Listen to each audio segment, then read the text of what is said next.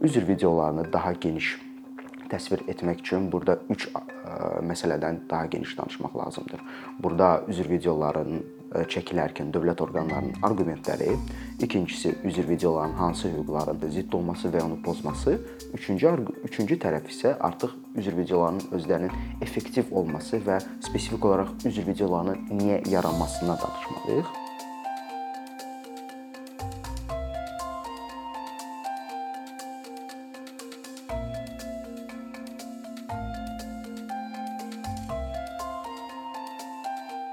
Üzrxahlıq və ya barışığın əldə olunması bir çox ölkələrin cinayət prosessual sistemlərində istifadə olunan metodlardan biridir.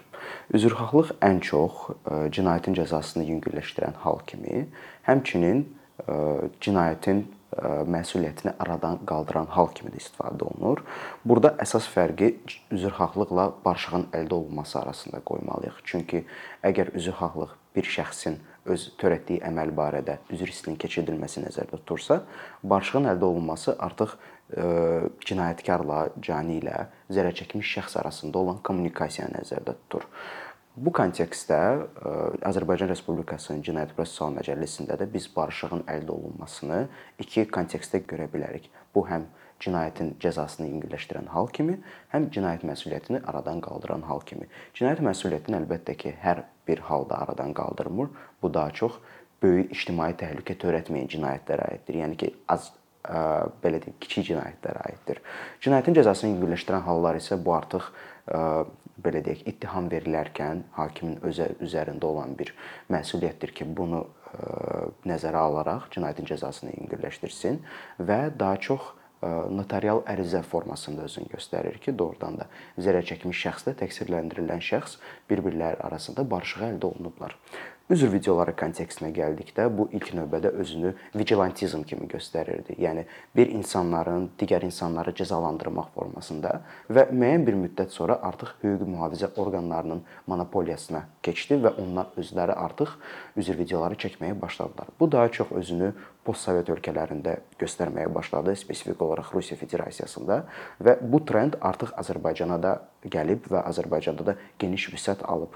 Spesifik olaraq biz 2022-ci 2020-ci ilin əvvəllərindən danışa bilərik ki, periodik olaraq mediada üzr videoları yayımlanmağa başladı. Üzr videolarını daha geniş təsvir etmək üçün burada 3 məsələdən daha geniş danışmaq lazımdır. Burada üzr videolarının çəkilərkən dövlət orqanlarının arqumentləri, ikincisi üzr videoların hansı hüquqların zidd olması, insan hüquqlarına zidd olması və ya onu pozması, üçüncü üçüncü tərəf isə artıq üzr videolarının özlərinin effektiv olması və spesifik olaraq üzr videolarının niyə yaranmasına danışmalıyıq. Dövlət orqanlarının arqumentinə gəldikdə burada 3 əsas arqument səsləndirilib. Birincisi, üzr videoları könüllü xarakter daşıyır. Buna inanmaq bir qədər çətindir. Çünki üzr videoları daha çox hüquq mühafizə orqanlarının binalarında, ofislərində çəkilir, pandemiya vaxtlarında çəkilən üzr videolarında pandemiya qaydalarına riayət edirlər. Həmin o video çəkilən videolarda o cümlədən bunu təsdiq etmək nə qədər müəyyən qədər çətin olsa da videoların özündən də müşahidə etmək olar ki, insanlar daha çox orada belə başlarını aşağı salıblar, biraz yazıq, acizanə tonda danışırlar və burada üzr videolarının könüllü xarakter daşıdığına inanmaq biraz çətindir. Dövlət orqanlarının ikinci arqumenti bundan ibarətdir ki, üzr videoları ehtiyat e, qəsdən törədilmiş cinayətləri ehtiyatsızlıqdan törədilmiş cinayətlərə çevirirlər. Bu arqument özü cinayət hüququnun fəlsəfəsinə tamamilə zidd olan bir arqumentdir. Çünki insanın e, bir cinayəti qəsdən və ehtiyatsızlıqdan törətməsi, yəni təqsirin forması cinayəti törədən zaman özünü bəlli edir. Yəni bir təqsirləndirilən və ya şübhəli şəxs hansı cinayəti törədirsə, onun təqsir forması bunun qəsdən və ya ehtiyatsızlıqdan olması sırf həmin cinayəti törədən anda məlum olur hansısa əgər video üzr videosu çəkilibsə, bunu demək ki, hansısa qəsdən törədilmiş cinayət ehtiyatsızlıqdan törədilən cinayətə çevrilir. Artıq post factum olduğu təqdirdə, yəni cinayət özü baş verdiyi ə, təqdirdə bu hadisədən sonra əgər təqsirin forması dəyişirsə, bu artıq ə, arqument özü cinayət hüququ fəlsəfəsinə ziddir. Üçüncü arqument dövlət orqanları tərəfindən təqdim olunan üçüncü arqument bundan ibarətdir ki, üzr videoları qanunla qadağan olunmayıb, deməli qanuna müvafiqdir. Bu arqument haqqında daha geniş mən ə, sonra danışacağam, amma ilkin formada bunu bildirmək istərdim ki, bu özü yenə də ə, ikinci arqument kimi cinayət hüququ fəlsəfəsinə ziddir. İkinci məsələ bundan ibarətdir ki, cinayət daha doğrusu üzv videoları hansı insan hüquq və azadlıqlarına ziddir. Burada əsas 3 insan hüquqlarından danışmaq olar. Birincisi əlbəttə ki, kobud rəftardan və ya işgəncənin qadağan olunmasıdır. Əlbəttə birbaşa demək olmaz ki, üzv videoları işgəncə ola bilər, kobud rəftar ola bilər, amma burada fiziki faktorlardan əlavə, o cümlədən də mənəvi və psixoloji faktorları nəzərə almaq lazımdır ki, üzr videoları elə bir mühitdə çəkilir ki, insanlar orada kobud rəftar görə bilərlər. Onların hansısa bir formaya salınması, məcbur edilməsi, üzr videolarının təqdim olunması insanların təqsirləndirilən və ya şübhəli şəxslərin ləyaqətini doğrudan da alçada bilər və cəmiyyət arasında onlara qarşı müəyyən pis münasibətin sərgilənməsində özündə büruzə verə bilər. Ona görə də iddia etmək olar ki, üzr videoları həqiqətən də kobud rəftar sayılır və bu insan hüquq azadlıqlarına ziddir. İkinci danışmaq istədiyim hüquq bu əlbəttə ki, qanunsuz qanun olmadan cəzalandırılmamaq məsələsidir və bu hüquq özündə iki məsələni ehtiva edir. Birincisi cinayət olmadığı təqdirdə, bir əməlin cinayət olunmadığı təqdirdə ona görə cəzanın alınması, ikinci məsələ isə artıq cəza olmadığı təqdirdə insanın həmin cəza almasıdır. Bu özündə e, bu özünü cinayət üzr videoları kontekstində necə göstərir? E, bir çox üzr videoları çəkilərkən hüquq mühafizə orqanları tərəfindən orada olan bəzi əməllər nəinki izbati xəta deyil, hətta cinayət də belə deyil. Digər bir tərəfdən üzr videoları öz əksini nə cinayət məcəlləsində, nə cinayət prosessual məcəlləsində, nə də digər qanunlarda özünün əksini tapmayıb. Ona görə də bir çox hallarda müşahidə etmək olar ki, üzr videoları hətta cinayət və inzibati xəta sayılmayan əməllərdə də çəkilir. O cümlədən yenə əvvəl təkrar etdiyim kimi üzr videoları cinayət məcəlləsində mövcud deyil və cinayət məcəlləsində mövcud olmayan cəzanın tətbiq edilməsi bu artıq həqiqətən də həmin bu insan hüququna ziddir.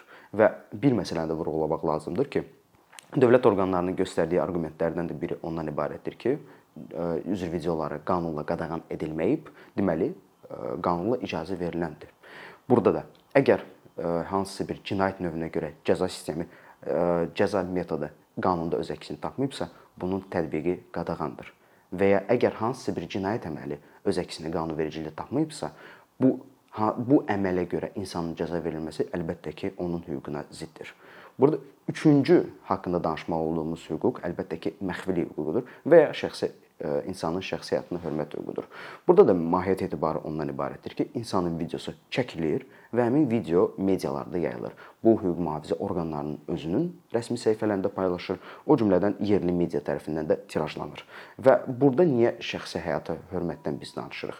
Çünki insanın videosunun çəkilməsi onun icazəsi olmadan və ya icazəsi olduqda və onun yayımlanması onun şəxsi həyatının hörmətinə zidd ola bilər. Əlbəttə ki, danışdığımız digər iki hüquq öz mahiyyət, öz mahiyyətində, öz belə deyək, təbiətində mütləqdir. Onların onların müdaxilə heç bir halda icazə verilmir. Lakin şəxsi həyata hörmət hüququna gəldikdə, dövlət müdaxilə bu hüququn belə deyək, bu hüquqdan istifadəyə, bu hüquqdan, bu hüquqa malik olmaya müəyyən qədər müdaxilə edə bilər. Lakin bu müdaxilədə müəyyən çərçivələr içərisində olmalıdır. Bu çərçivələr adətən 3 faktorlu test üzərində özünü, özünü göstərir. Birincisi qanuna müvafiqlik. Əvvəldə danışdığımız kimi üzr videoları qanunvericidə əks öz əksini tapmayıb, deməli qanuna müvafiq deyillər. İkincisi qanuni məqsədin güdməsi. Burada qanuni məqsəd dedikdə dövlət orqanları bu arqumentləri göstərə bilərlər ki, üzr videoları ictimai təhlükəsizliyin ictimai təhlükəsizliyin təmin olunması üçün edilir və bu kontekstdə müəyyən qədər bu ikinci faktora üzr videoların çəkilməsi uya bilər. Üçüncü ən vacib faktorlardan biri də ondan ibarətdir ki, müdaxilə demokratik cəmiyyətdə zəruri olmalıdır və demokratik cəmiyyətdə zəruri olması haqqında danışarkən biz yada salmalıyıq ki, üzv videoları bir çox hallarda heç bir inzibati xəta və ya cinayət sayılmayan əməllərə görə çəkilir. O cümlədən Cinayət Məcəlləsi də, İnzibati Xətalar Məcəlləsi də öz təbiətinə görə digər cəzalar da ehtiva eləyir və bu digər cəzaların istifadə olunmayaraq hansısa bir əmələ görə üzr videosunun çəkilməsi demokratik cəmiyyətdə zəruri olmasını həqiqətən də şübhə altına salır və hansısa bir hüquqa müdaxilənin bu üç faktorlu test üzərində məqsədə uyğun olduğunu hesab etmək üçün gərək bu üç faktora da uysun. Biz belə hesab eləyə bilərik ki, ikinci faktor uyur, lakin təəssüf ki, birinci və üçüncü faktorlara uyğun deyil. Ona görə də belə iddia eləmək olar ki, üzr videoları həmçinin şəxsi həyata hörmət və ya məxfilik hüququnu da pozur. Burada danışmalı olduğumuz digər məsələlərdən də biri ondan ibarətdir ki, üzr videoları ümumiyyətlə niyə çəkilir və üzr videoları ümumiyyətlə effektivdirmi? Burada məsələ ondan ibarətdir ki, üzr videolarının çəkilməsini biz cəza e, penologiya elmində istifadə olunan cəza populizmi terminindən istifadə edərək bu tendensiyanın yaranmasını izah edə bilərik. Cəza populizmi dedikdə dövlətin və ya dövlətə yaxın olan maraqlı tərəflərin hüquq mühafizə orqanlarınındır, qanunverici orqanındır və s. Bu dövlətin və maraqlı tərəflərin cəzaların ictimai rəy tərəfindən qiymətləndirilməsi üçün müəyyən mexanizmlər kimi başa düşürük. Və burada bir mənalı şəkildə əlbəttə demək olmaz ki, Azərbaycan Respublikası hansısa bir cinayətin və ya cəzanın tətbiq edilməsini öyrənərkən orada ictimai rəy ona o qədər də maraqlıdır. Lakin cəza populizmi özü müəyyən qədər e, qarışıqlıq və xaotik situasiyanı birbaşa ehtiva edir. Yəni bu kontekstdə üzv videoların çəkilməsi, onların dövlət tərəfindən hansısa bir xaotik arqumentasiyanın qurulması, həmin o üzv videolarının əsaslandırılması üçün daha sonra üzv videolarının yayılması, onların insanlarda müəyyən çəkindirmə xarakteri daşıması, o cümlədən həmin üzr videolarına çəkilmiş insanların müəyyən qədər ləyaqətinin alçaldılmasını ehtiva etməsi bu məsələlər üzərində ehtiva etmək olar ki, üzr videoları Azərbaycanda artıq belə deyək, yaranmış cəza populizminin içərisinə daxil ola bilər.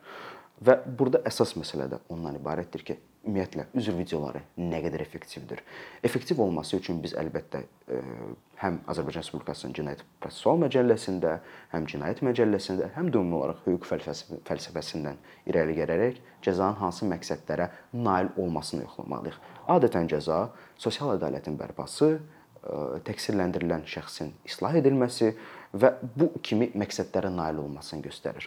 Burada üzr videolarını biz belə deyək, cəzaların məqsədə uyğunluğu kontekstində ölçərkən burada müəyyən qədər suallar yaranır. Çünki üzr videoları özündə adətən təqsirləndirilən şəxsin islah edilməsini nə dərəcədə ehtiva edə bilər ki, əgər bu insanlar sadəcə üzr videolarını çəkirlərsə və bununla da bütün cəza sistemi artıq cəzalandırma metodikası artıq bitirsə. İkinci məsələ ondan ibarətdir ki, cəza üzr videolar çəkilərkən və burada mən belə deyim, danış nitqimin əvvəlinə qayıtmaq istəyirəm ki, üzrxahlıq və barışığın əldə olunması eyni şey deyil. Üzrxahlıq bir insanın sadəcə öz peşmançılığını, səmimi peşmançılığını bildirməsidir. Barışığın əldə olunması isə iki tərəf arasında olan kommunikasiyasının nəticəsindən əmələ gələn bir prosesdir. Burada sadəcə üzr bildirilir. Digər tərəf bu üzrü qəbul edə də bilər, etməyə də bilər və bununla artıq hansısa bir sosial ədalətin bərpasından və hansısa bir reabilitasiya xarakteri daşımasından söhbət də belə gedə bilməz. Bu kontekstdə əgər danışsaq, üzr videoların həqiqətən də effektiv cəza metodu olmadığından da danışa bilərik. Və bir məsələni də vurğulamaq vacibdir ki, cəza cəza növü kimi üzr videolarının istifadə olunması hansısa bir sosial ədalətin və ya islahın və ya çəkindirmə xarakterindən nail olmaqdansa daha çox mövcud olan ictimai siyasi status quo-nun saxlanılması üçün özünü büruzə verir. Thank you.